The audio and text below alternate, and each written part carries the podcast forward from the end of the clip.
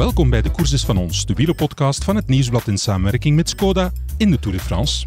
Michael Matthews heeft een schitterende ritzege geboekt in Mande. Hij moest op de slotklim het wiel van Alberto Bettiol even lossen, maar beet zo hard op zijn tanden dat hij net niet kraakte en er weer overging. Arme Alberto, maar wie gunde het Bling Bling Matthews niet? In de groep der favorieten zette Tadej Pogacar Vingegaard onder druk, maar die loste voor geen vin. Wat vooral opviel de voorbije dagen is dat de vermoeidheid in het tourpeloton bijzonder groot is.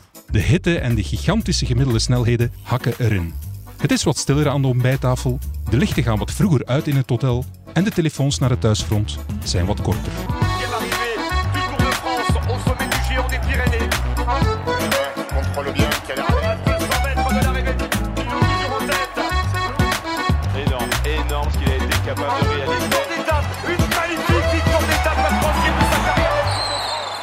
De stellende trap van vermoeidheid is een examenperiode, de vergrotende trap een huilbaby en de overtreffende trap de Tour de France. Zeker die van dit jaar, waar de snelheden en de temperaturen het peloton geeselen. De spurter van Quickstep Alpha Vinyl, Fabio Jacobsen, heeft na een gruwelijke passage door de Alpen s'avonds zelfs geen fut meer om tv te kijken op zijn iPad. Fabio, een beetje kunnen herstellen of was het opnieuw een zeer zware dag? Ja, nee, relatief. Maar uh, de Tour is nooit makkelijk. Uh, zelfs als ik de wattages van vandaag zie, de, ja, voor mij is dat gewoon uh, een flinke duurtraining thuis, zeg maar. Dus maar ja, dat is de Tour. En Jumbo controleert denk ik op een tempo wat niet al te makkelijk is, maar ook niet te lastig. En ja, ik moet van die Alpenritten echt wel herstellen. Gisteren was ik minder, vandaag voelde ik me iets beter. En laten we hopen dat ik morgen nog weer net dat stapje beter ben. Het is ongelooflijk warm. Het is ook een tour waarin heel hard gereden wordt. Ja. Na, twee weken tour, hoe uitgewoond is jouw lichaam eigenlijk al? Ja, we kunnen wel zeggen dat, uh, dat dit uh, denk ik het uh, maximale is wat iemand fysiek aan kan. Mentaal is nog iets anders, maar fysiek merk ik wel... ja, af en toe willen de benen gewoon echt niet meer. En dat heeft soms niet eens met wattage te, te trappen te maken, maar vooral met afkoelen nu. En uh, die temperatuur laag houden en uh, voldoende vocht binnenkrijgen. Zodat alles blijft functioneren. En ja, die eerste week uh, ja, was het elke dag een eendagskoers in mijn beleving. maar ja, dat is de Tour. Iedereen is hier op toppen van zijn kunnen. En dat maakt het aan de ene kant mooi. Maar ja, het is ook niet per se de leukste wedstrijd om te doen. En ik denk wel dat drie weken de max is. Uh, is het ook zo dat je, dat je merkt dat je minder energie hebt voor andere dingen, dat, je, dat, je, dat s'avonds echt op is? Ja, jawel. Ik, ik kijk uh, na, het, na het eten, dan ga ik lekker uh, in bed liggen. En dan normaal zou ik nog wel iets kijken op de iPad of zo, hè, Vive Velo of avondetappen. Maar de laatste paar dagen is me dat niet meer gelukt. En daar heb ik vrede mee. Maar ik moet wel zeggen dat ik heb natuurlijk in het ziekenhuis gelegen. Dat is nog een heel ander niveau van van mentaal afzien. Dit, uh, nou, dit duurt 4, 5 uurtjes en uh, ja, nu kan ik er al wel weer over vertellen. Dat maakt het niet uh, makkelijker op zich, maar het hoort erbij. Als er één iemand kan relativeren, jij dan wel? Ja, ik doe dat graag. er zijn heel veel mensen die denk met mij zouden willen ruilen op dit moment. En ik ben enorm dankbaar dat ik hier mag staan. Ook al is het soms afzien, ben ik gelukkig. Eike Visbeek is performance manager bij Intermarché Vanti Gobert. Hij meet de vermoeidheid van de renners af aan het feit dat ze net iets langer aan de bidon blijven plakken als ze die aannemen vanuit een rijdende auto. Hoe vermoeid is dit tourpeloton? Want de snelheden liggen enorm hoog. Het is ook gigantisch warm en ik hoor ook bij de renners dat de vermoeidheid groot is. Ja, de vermoeidheid is groot. En je ziet nu ook heel erg dat de mannen die in de eerste bergetap een goede dag hebben... hebben bijna collectief een slechte dag de tweede dag. En dat is gewoon de combinatie van de hitte. En een combinatie van. En een belangrijke factor erin is dat bijvoorbeeld zo'n etappe naar Longwy. Hè, dat zou normaal gesproken een rustige etappe zijn. Waarin iedereen kan herstellen, kopgroep weg. En dan een nerveuze finale. Ja, dat is bijna de hele dag gekoerst. En dat soort rustige dagen, als die veranderen in dat soort harde etappes. Ja, dan krijg je dit soort, uh, dit, dit, dit soort situaties. Waarbij je een heel vermoeid peloton hebt.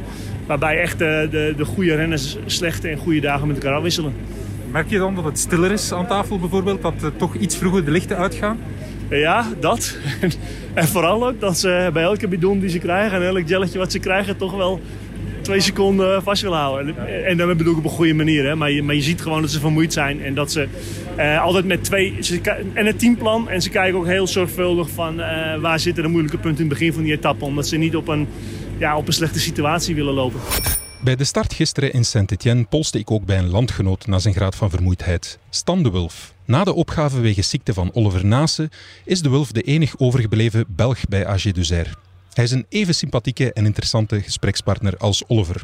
Wie beweert dat ze bij de Franse ploegen minder professioneel zouden werken, moet zijn standpunt misschien toch eens actualiseren.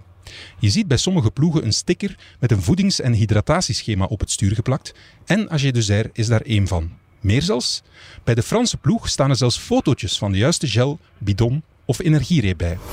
We zijn twee derde ver. Hoe hard voel je dat in de benen? Ja, toch wel, toch wel heel hard. Ik denk dat er, denk dat er heel veel gekoers is geweest. We hebben nog niet veel dagen gehad dat, dat de wandeletappe was of dat er, dat er niks gebeurd is. Dus die vermoeidheid is toch wel bij veel renners. Sommige renners in de bus zijn bij ons dat ze de vermoeidheid hebben van etappe 17 of etappe 18 ja? in een grote ronde. Dus het is wel echt al een lastige tour geweest en de warmte en alles maakt er zeker niet beter op. Maar uh, ik denk dat het ook voor iedereen gelijk is. Het wordt voor iedereen rap gereden. Het is, uh, iedereen moet van de start aan de finish geraken. Dus, uh...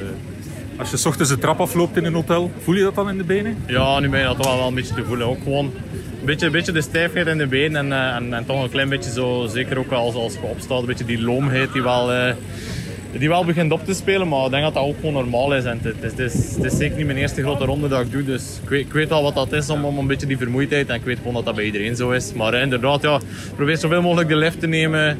Uh, probeer een beetje de, de verplaatsingen in het hotel te, te, beperken. En zeker in de rustdag wordt dat, de tweede rustdag is meestal echt gewoon wat fietsen en in bed liggen. En ja. meer, wordt er niet Tot veel meer. kom je niet. Nee. Nee, nee, nee, nee, nee. De gesprekken aan tafel zijn ook wat korter, wat stiller. Uh, wat is, deze morgen was het eigenlijk echt al stil aan tafel. Iedereen was gewoon, uh, was gewoon moe en was, uh, was, was, een klein, was een klein beetje nog, nog aan het wakker worden. Dus ja. De hitte, is dat ook een factor die ervoor zorgt dat, dat extra vermoeidheid in de benen zit? Ja, zeker en vast. Ik denk die hitte zorgt dat je soms wel op momenten zit dat je een klein beetje gedehydrateerd bent. Ze kunnen niet, ze kunnen niet om de 10 kilometer staan met, met, uh, met bidons en het parcours leent er, leent er zich niet altijd toe om, om altijd naar, naar, de auto te gaan. Dus soms is het gewoon wat, wat dorstlijden en dat, dat maakt het wel lastig en dat zorgt wel wat, wat extra uitputting. Maar uh, ja, ik zeg, het, het, hoort er, het hoort er nu eenmaal bij en uh, we kunnen die hitte niet aanpassen. Dus ja, ik zie dat je ook heel professioneel bezig bent met uh, voeding. Er staan zelfs fotootjes bij op, jou, uh, op jouw stuur geplakt. Is om zeker niet te missen. Ja, het is gewoon uh, zeker om de focus te houden op, op wat je moet, binnen hebben. Want ja, een tour is, is drie weken en we moeten gewoon zorgen dat, dat we ieder moment kunnen gebruiken om, om nee, een boeg genoeg koolhydraten binnen te krijgen. Het is gewoon belangrijk om, uh, om, om zo'n protocol te hebben. En zeker uh, als als voor een, een moeilijke start is of zoiets, dan, kun, dan zijn je wel als je naar beneden kijkt eraan herinnerd van oh, we mogen toch zeker niet vergeten om te eten, te drinken. Te, dat, ja, dat je morgen of de dag erop niet met, met een frengal ergens zit of, of iets tegenkomt dat niet zo plezant is. Maar jij en jullie zijn er wel enorm mee bezig met herstel en dergelijke mee. Heb je nog drugs of zo? Ja. We zien bij Adam Yates, die heeft zelfs een zwembadje mee. Ja, ik doe ook, uh, ik doe ook iedere keer uh, uh, die cryotherapie, allee, een koud bad na de, na de finish. Als we met de bus toekomen, zeker in die warme temperaturen, omdat ten eerste het is, het is wel goed voor de recuperatie, dus het zorgt voor wat, wat minder verzuring in de benen of wat betere recuperatie in de benen. En zo, ja, zo de, die, die koude baan, dat zorgt ook wel gewoon dat je lichaam een keer een halve, een halve graad of een graad terug kan afkoelen en dat, dat het echt wel terug na, na deze dagen. Is dat dan met ijs in of, of wat? Uh... bij ons is, de, is dat de cryotherapie, zeg maar. Dus ja, 12 graden is dat, is dat bad en we zitten er, de, allee, we zitten er 10 minuten in. Ja. Merk je ook aan de wattages doorheen een ronde dat dat ja, anders is dan in dagskoersen of dat dat nu geleidelijk aan een beetje afneemt of zo? Kan je daar iets, kan je daar uh, iets zien? Ik denk wel, niet, niet superveel, maar met de warmte zie je wel dat, dat, dat een klein beetje minder is, die, die gemiddelde wattage uh, over, de, allee, over heel de etappe. Ik denk dat dat gewoon ook normaal is. Ik denk dat het moeilijker is om die inspanning te leveren in, in, in, in extreme temperaturen en met dan nog de vermoeidheid die erbij komt. Dus uh, dat, is, dat is wel allemaal logisch, maar op zich denk ik... dat verval valt echt goed mee eigenlijk. Ben je iemand die, die goed is in de derde week? Want je hebt zo van die coureurs, hè, voor wie de Tour eigenlijk uh, vier of vijf weken mag duren, bij wijze van spreken. Uh, wel, ik heb altijd uh, de Vuelta, allee, twee keer al de Vuelta gedaan en de derde week was ik iedere keer echt heel goed. Dus eigenlijk reken ik daar een beetje op hier in deze Tour ook. Al, zolang dat ik gezond blijf, dat, dat dat ook wel een beetje die richting uitgaat. Ik voel me zeker niet slechter. Normaal gezien heb ik wel uh, goed recuperatievermogen en dat, dat is altijd een van mijn betere factoren geweest uh, allee, in, in rittenkoersen en alles. Dus uh, ik hoop dat dat deze Tour niet anders is. Ben jij een goede slaper? Mm, niet super, maar nooit geweest. Ja. Want zo na een inspanning, neem aan, de benen tintelen wel wat. Is het soms moeilijk om de slaap te vatten, ondanks het feit dat je heel moe bent? Uh, soms is dat wel moeilijk, zeker, al, zeker als het warm is. Som, soms hebben we van die hotels zodat er uh, geen airco is. En ik, ik, vind, ik ben iemand die, die graag de, de airco opzet en uh, gewoon verkies om een frisse kamer te hebben en dan goed te slapen. En ik heb het al moeite als het, als het echt warm is. Als het echt warm in de kamer is, um, ook omdat je zit vermoeid, maar soms, soms zijn je niet echt moe omdat je lichaam is nog bezig met recupereren. Je lichaam is de hele tijd uh, in de weer om, ja, om, om nog uh, voeding op te nemen, om te herstellen, om alles te doen. Dus je voelt dat, dat je lichaam wel de hele tijd bezig is. Dus dat je niet echt super moe bent, maar aan de andere kant, je voelt wel echt vermoeid. Ik wens veel vermoeidheid bij de rest van het peloton en veel energie bij jou. Dankjewel. Dankjewel. Succes. Merci. Je gezin is net als een wielerploeg. We moedigen elkaar aan. En we weten dat we met de tips van onze ploegleider we alle kansen hebben om echte kampioenen te worden. Skoda, supporter van de grootste fietsfamilie. Nu zijn renners doorgaans minder kleinzerig dan de gemiddelde man, maar ik wilde toch eens bij een wetenschapper checken of twee weken Tour er werkelijk zo hard kan op inhakken. Paul van den Bos, oprichter van uh, Energy Lab en ook begeleider of uh, coach van een aantal renners, onder wie Tim Welles, die hier ook in de Tour aanwezig is. Drie weken Tour, we zijn nu twee weken ver. Hoe moe word je daarvan? Ja, uiteraard worden die renners uh, zeer moe. Hè. Ook, uh, dat heeft niet alleen te maken met de opeenvolging van, van ritten. Dat heeft natuurlijk ook te maken met de omstandigheden. Hè. En de omstandigheden is natuurlijk de aard van het parcours. Moet er veel geklommen worden? Wordt er veel bovenaan gekomen? Ja, dan nee. Dat heeft te maken met de snelheid die de renners ontwikkelen, die op dit moment zeer hoog is. Hè. Dus er wordt heel hard gereden. En dan zijn er ook nog omstandigheden zoals de hitte, die ook slopend is. Hè. Dus het wordt maar als, alsmaar warmer. Dus um, ja, het, het, is, het is wel duidelijk dat er voldoende factoren zijn om te begrijpen waarom een aantal renners zeggen dat ze toch stilaan echt moe aan het worden zijn. Ze zeggen dat ze moe zijn, maar jij als wetenschapper, kan je dat zien? Mocht je die renners testen, is daar wetenschappelijk onderzoek naar? Wel, de, de makkelijkste manier om dat vast te stellen is eigenlijk zien hoe de, de hartslag nog reageert tijdens inspanning. En dus bij een renner die fris is, gaat die hartslag heel vlot reageren bij inspanning. Die gaat heel vlot hoogte in. En in het begin van de Tour halen ze veel hogere hartslagen. Enfin, veel hogere, maar toch relatief hogere hartslagen dan op het einde van de Tour. Dus op het einde van de Tour zijn ze moe. Het lichaam reageert niet meer op de verschillende intensiteitsprikkels. En, en die hartslag die, die, die kan niet, niet naar boven. Dus die, ik vermoed dat die hartslag gemiddeld toch zeker, die maximale hartslag, 10 tot zelfs 15 slagen minder is dan het begin van de Tour. Natuurlijk zien we ook als er bloednames zijn bij renners die een rittenwedstrijd achter de rug hebben, een rittenwedstrijd van drie weken, een grote ronde. Ja, heel dikwijls zien we ook een daling van het aantal rode bloedcellen, een daling van hemoglobine. Dat kan ook een daling zijn van het testosterongehalte, want testosteron is het anabole hormoon. Maar natuurlijk, die renners die komen in drie weken in een katabole fase. Dat wil zeggen in een afbraakfase. Je lichaam kan het eigenlijk niet blijven verwerken. En daardoor gaat de vermoeidheid toenemen. Interessant gedachtenexperiment. Stel je nu voor, uh, maandag is er opnieuw een rustdag, dat we een uh, aantal verse, frisse renners zouden inbrengen en die zouden tegen dat vermoeid toerpeloton rijden. Zou dat een significant verschil maken, denk je?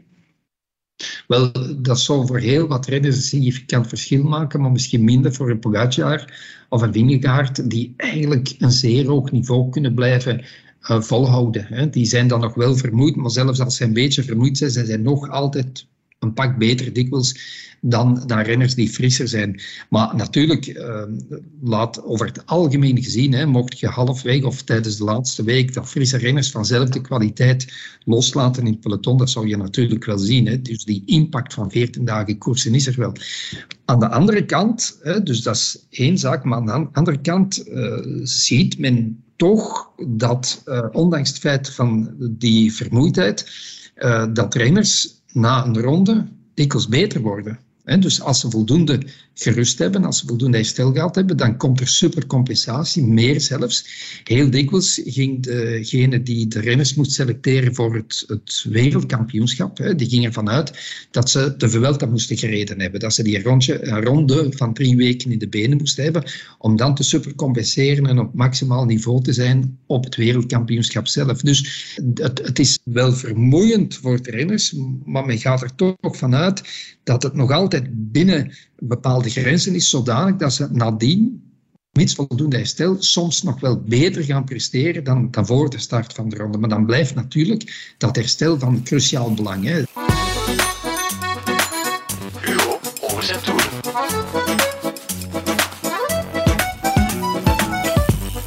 Elke dag nemen we jullie ook mee in de tijd. En dat doen we met een journalistiek monument van het Nieuwsblad. Hugo Korowits werd sportjournalist in mijn geboortejaar 1983 en heeft 25 Tour de France's op zijn palmarès. De rit van vandaag leidt van Rodez naar Carcassonne. En Carcassonne, dat doet Hugo denken aan hotels zonder airco. Niet alleen voor de journalisten, maar ook voor de renners. Want de hotels worden elke dag aangeduid door tourorganisator ASO. Carcassonne, dat doet mij denken aan wind, aan de ode, aan de vestingmuren, vaal, bruin en vooral warmte. We zitten daar bovendien meestal nog niet in de beste hotelkamers, uh, gewoon omdat die streek dat niet heeft. In sommige hotels waar wij verbleven uh, in der tijd uh, moest airco nog worden uitgevonden. Of stond men op het punt om hem aan te kopen, maar ze hadden hem niet. En dat was dus echt een nacht waarbij hij gewoon zweten, zweten, zweten. En dat uh, was niet alleen voor de volgers, maar ook voor de renners. Maar ook dat is de Tour de France. Dus de Tour de France heeft uh, een soort average van hotelkamers voor elke ploeg. Uh, dus je kunt een kasteel hebben met alles erop en eraan, die je gewoon enkel maar de rijke mensen kunt betalen. Maar de dag daarna kun je in een hotel vallen zonder badkamer, bij niet van spreken, met een gemeenschappelijke badkamer op de hang. En ik herinner me ooit een hotel in Hap waar Saxo Tinkoff verbleef met Alberto Contador en Peter Sagan. Er was een persconferentie op de rustdag en die werd noodgedwongen buiten gegeven van niemand kon binnenkomen, want het was daar zo warm, ook de geen airco. En ik vroeg toen aan de toenmalige dokter Joost de Maasneer, is dat logisch dat die mensen hier eigenlijk twee dagen moeten slapen? Na, nadat ze uh, eerst een rit in de Alpen hadden uh, gehad en dan een rustdag. En hij zei, ja, dat is de Tour, je mag niet veranderen. Ik zeg, ja, maar daar staat hier een splinternieuwe premier klas op een kilometer verder wel leeg. Vraag voor de tweede nacht daar te slapen. Dat hebben ze gevraagd aan de toerdirectie. Maar dat mocht niet. Het is veel verbeterd. Le, Godet en Levitan lieten ze slapen in kostscholen. In de slaapzalen van de kostscholen. Maar in de Tour weet je dat je niet direct uh, als renner de beste behuizing hebt in vergelijking met de Vuelta.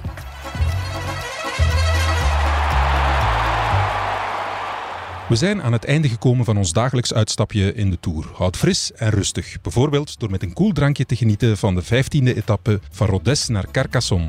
We zijn er morgen weer vanaf 7 uur s ochtends dankzij Skoda. Voor ons hier hopelijk na een nacht in een koele hotelkamer. Tot dan!